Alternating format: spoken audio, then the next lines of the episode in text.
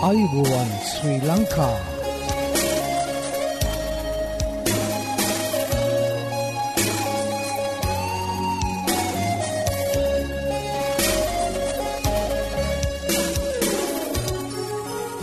ඔබට සුපදස මේ ඇඩවෙන්ටිස් වර්ල් රේඩියෝ බලාපොරොත්වය හඬයි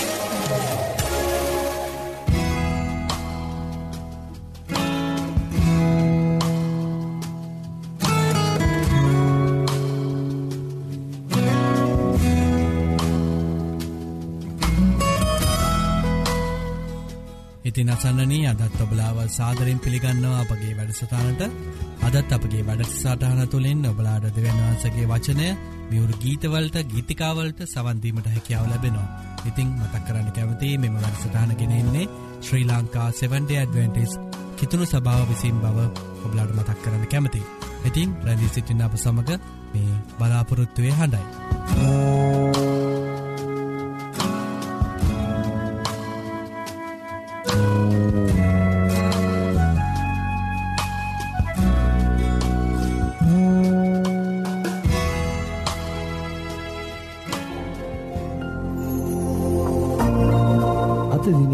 බයිබල් පාටය අපේ බලාපොරොත්තුවේ ප්‍රකාශ කිරීම චංචල නොවන පිණිස එය තදින් අල්ලාගෙන සිටිමු.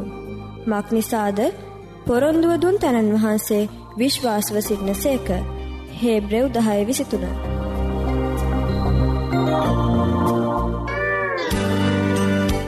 ආයුබෝවන් මේ ඇඩවෙන්ටිස් වර්ල් රේඩියෝ බලාපොරොත්වය හඬ යසාය පනස්සිකි දොළහා නුඹලා සනසන්නේ මමය.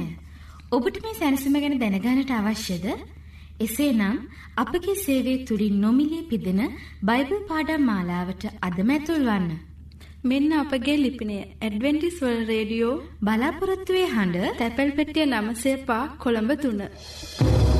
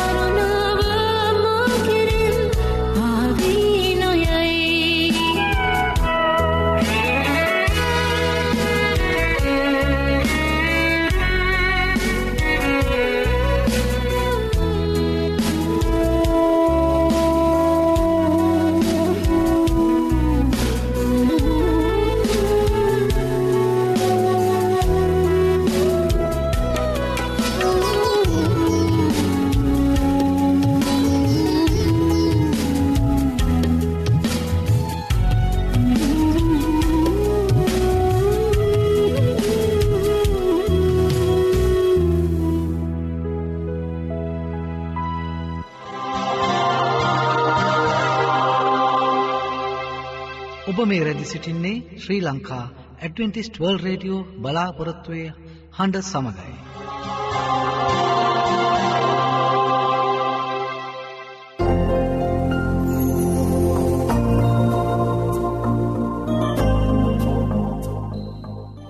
ඉතින් හිතවත හිතවතිය දැන් ඔබට ආරාධනා කරනවා අපහා එකතුවෙන්න කියලා අද දවසේ ධර්ම දේශනාවට සවන් දෙන්න අද ඔබට ධර්ම දේශනාව ගෙනෙන්නේ හැරල් ෆිනෑන්ඩු දේවක දිතුමා විසින් ඉතින් එකතුවෙන්න මේ බලාපොරොත්තුවය හඬට.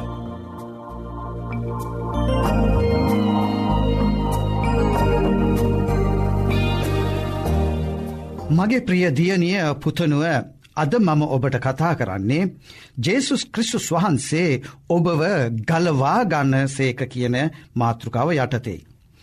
මේකත් ඇවිල්ලා දෙවියන් වහන්සේගේ පොරොන්දුවක්. ප්‍රිය හසන්නෙන මනුෂ්‍යයාගේ මුල් දෙමවපියන් මුල් පාපය කලායෙන් පසුව ඒ අය සාතන්ට අයිති වුණ. ඒ නිසාම ඒ අය පාපයට වර්දට වැටමින්. ලෞකික දේටත් මාංෂික තෘෂ්ණාවලටත් යටත් වුණ. ඒ වගේම ඒ අයගේ දරුවන්ද මනුෂ්‍ය පරම්පරාවම ඒ අයගේ ලේ කරනකොටගෙන ඉපදුන නිසාන් ඉපදුන නිසාවෙන් මනුෂ්‍ය පරම්පරාවම පාපේට අයත්වෙරි. ඒ දෙමව්පියන් සමගින්ම ඒ සියලුම දෙනා ඒ පාපයේ උරුමකාරයන් බවට පත්වෙනවා. ඔවුන්ට ඔවුන්ගේ වර්ධකාරකම ඉදිරියේ තමන්ටම එයින් මිදෙන්න්නට ශක්තියක්ද උනේ නැහැ.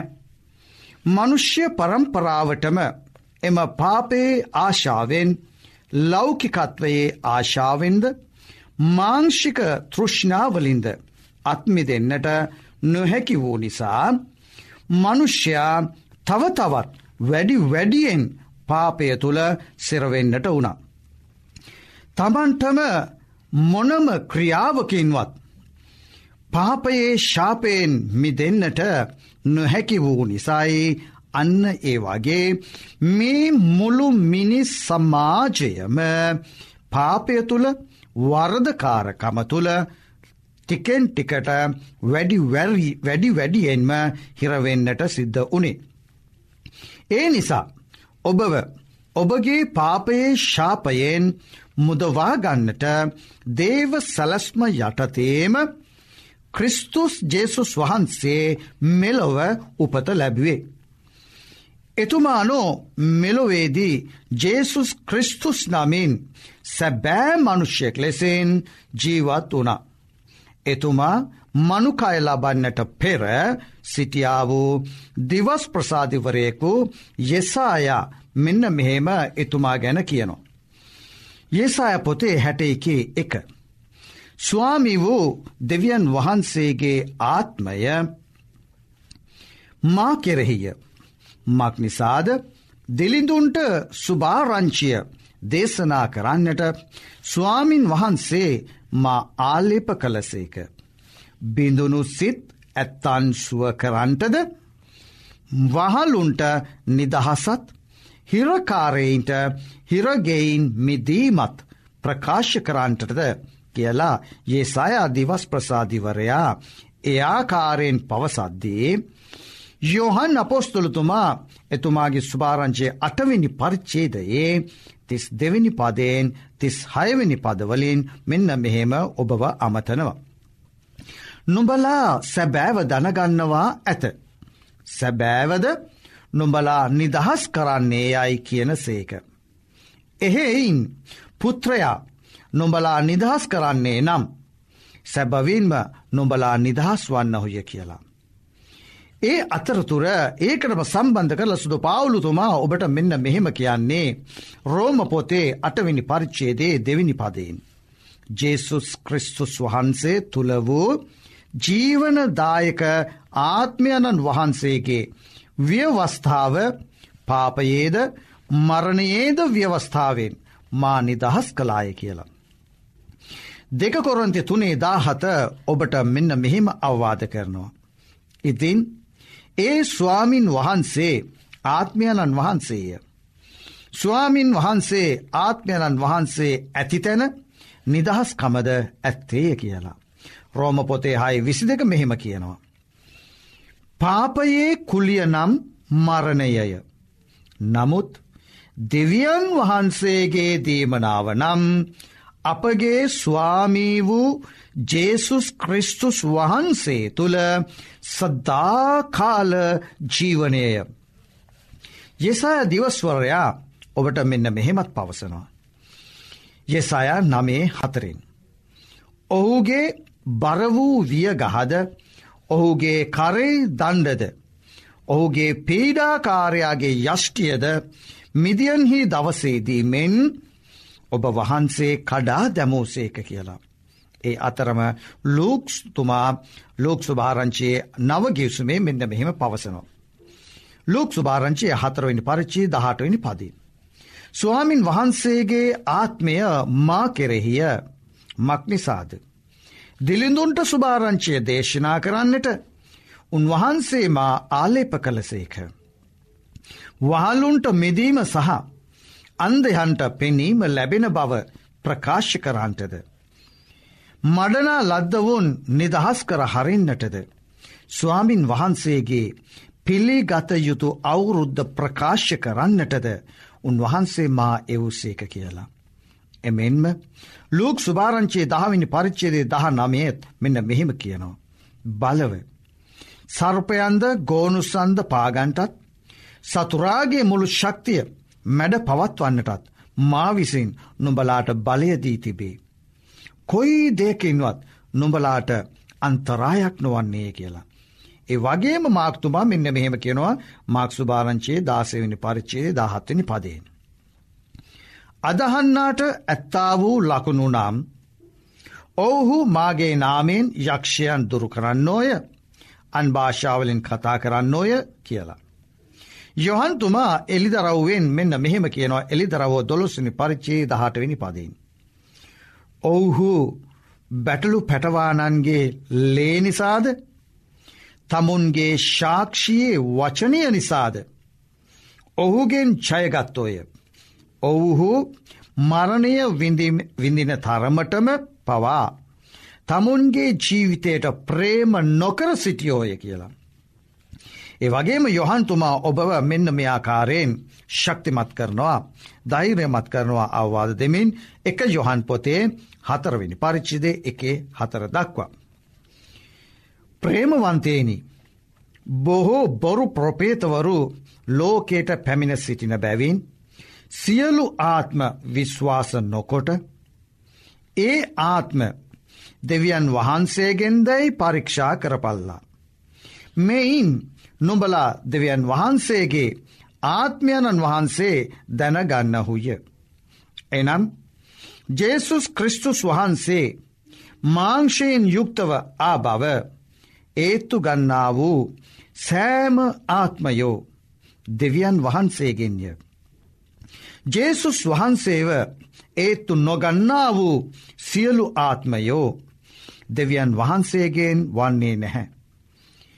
එන්නේ යයි නුබලා ඇසුවා වූ දැනටම ලෝකයේ හි සිටින්නා වූ විරුද්ධ ක්‍රිස්තුස්ගේ ආත්මය මේය. මාගේ ප්‍රිය දරුවනි නුඹලා දෙවියන් වහන්සේට අයිතිව. ලෝකයෙහි සිටින තැනත්තාට වඩා එනම් සාතන්ට වඩා. නුඹලා තුළ සිටින තැනන් වහන්සේ එනම් ආත්මයණන් වහන්සේ උතුම් බැවින් නුබලා උන්වහන්ස් ඔවුන්ගෙන් ජයගෙන සිටින්නෝය. එසේ නම් මගේ ප්‍රිය දියනිය පුතනුව. සාතන්ගෙන් සා විරුද්ධ ක්‍රිස්තුස්ගෙන් ඔබට ජය ගන්නට ඕනනම් ක්‍රිස්තුස් වහන්සේගේ අවවාද අනුශාසනා තුළ උන්වහන්සේගේ වචනය තුළ රැඳී සිටිමින් ආත්මයණන් වහන්සේගේ බලයෙන් පූර්ණවන්න කියන එක දේව වචනය ඔබට අවවාද කරනවා. මෙන මේ නිසා තමයි මම ඔබට කිවේ ජේසුස් ක්‍රිස්තුස් වහන්සේයි ඔබව ගලවාගන්නේ ඔබව නිදහස් කරන්නේ ඒ නිදහස් කරන්නේ පාපයෙන්. ඔබව ගලවාගන්නේ පාපේ ශාපයෙන්. මේ නිසා අපි ජේසුස් ක්‍රිස්තුස් වහන්සේව පැළඳගෙන උන්වහන්සේට අපි ආරාධනා කරමු අපගේ සිතට එන්න කියලා. අපි ශුද්ධාත්මයණන් වහන්සේව පැළඳගනිමු. අපි යාඥා කරමු. ස්වර්ගේ වැඩ සිටින අපගේ දෙවිපානෙන ඔබ වහන්සේගේ නාමයට ගෞරවය කරමින් ජේසුස් වහන්සේ අපට දෙන්නා වූ අපට දී තිබෙන්නා වූ.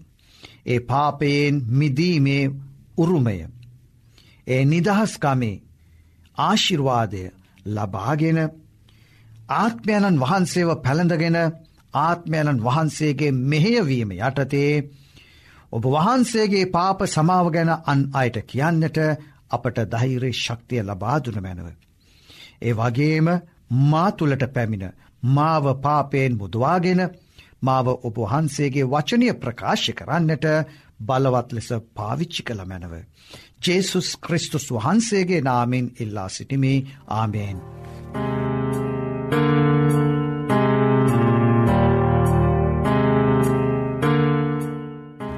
සත්‍යය ඔබ නිදස් කරන්නේ යසාය අටේ තිස්ස එක. මේ සත්‍ය සොයමින් ඔබ අද සිසිින්නේද. එසේ නම් ඔබට අපගේ සේවීම් පිදින නොමලි බයිබල් පාඩම් මාලාවට අදමැතුල්වන්. මෙන්න අපගේ ලිපිනේ ඇඩවෙන්ටිස්වල් රේඩියෝ බලාපොරත්තුවේ හඬ තැපැල් පෙටිය නමසේපා කොළඹ තුන්න.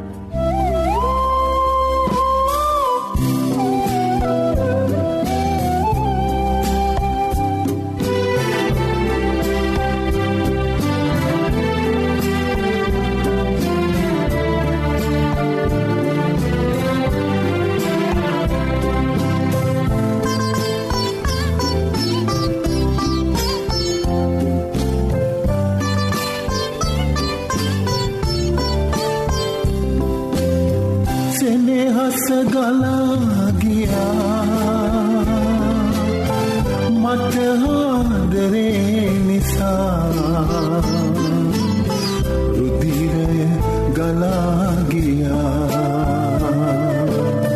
මගේ පව් බර නිසා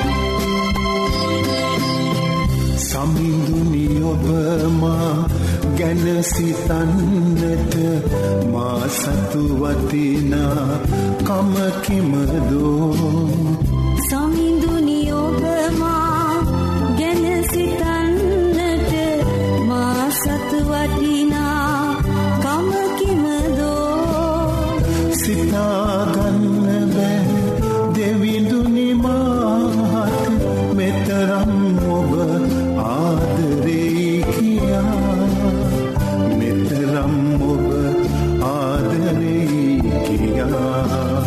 සැමදේ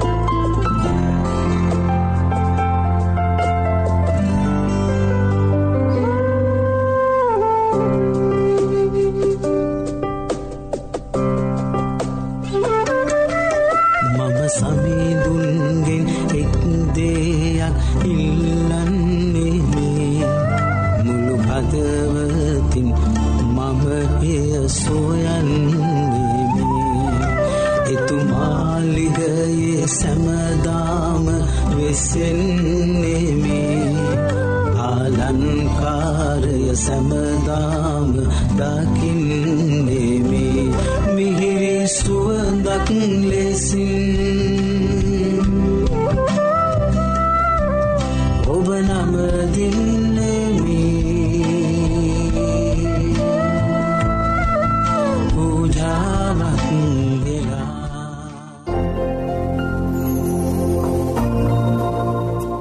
අපේ මෙ වැඩසටාන තුළින් ඔබලාට නොමිලේ ලබාගත හැකි බයිබල් පාඩං හා සෞඛ්‍ය පාඩම් තිබෙනවා. ඉතිං ඔබලා කැමතිනං ඒවට සමඟ එක්වෙන්න අපට ලියන්න.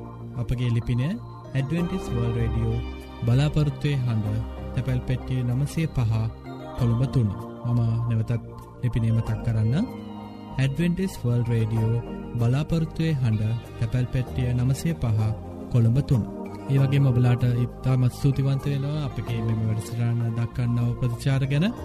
අපට ලියන්න අපගේ මේ වැඩසටාන් සාර්ථය කර ගැනීමට බලාගේ අදහස් හා යෝජනා අපට අවශ්‍ය අදත් අපගේ වැඩසටානය නිමාව කරාලඟාව තිබෙනවා. ඉතිං පුරා අඩහෝරාව කාලයක් අප සමඟ ඇැදිී සිටිය ඔබට සූතිවන්ත වෙන අතර හෙටදිනෙත් සුපුරෝධ පරිති සුපුරෘදු වෙලාවට හමුවීමට බලාපොරොත්තුවයෙන් සමුගන්නාම ප්‍රස්ත්‍රිය එකනායක ඔබට දෙවියන් වහන්සේකි ආශිර්වාදය කරනාව හිමියේවා. oh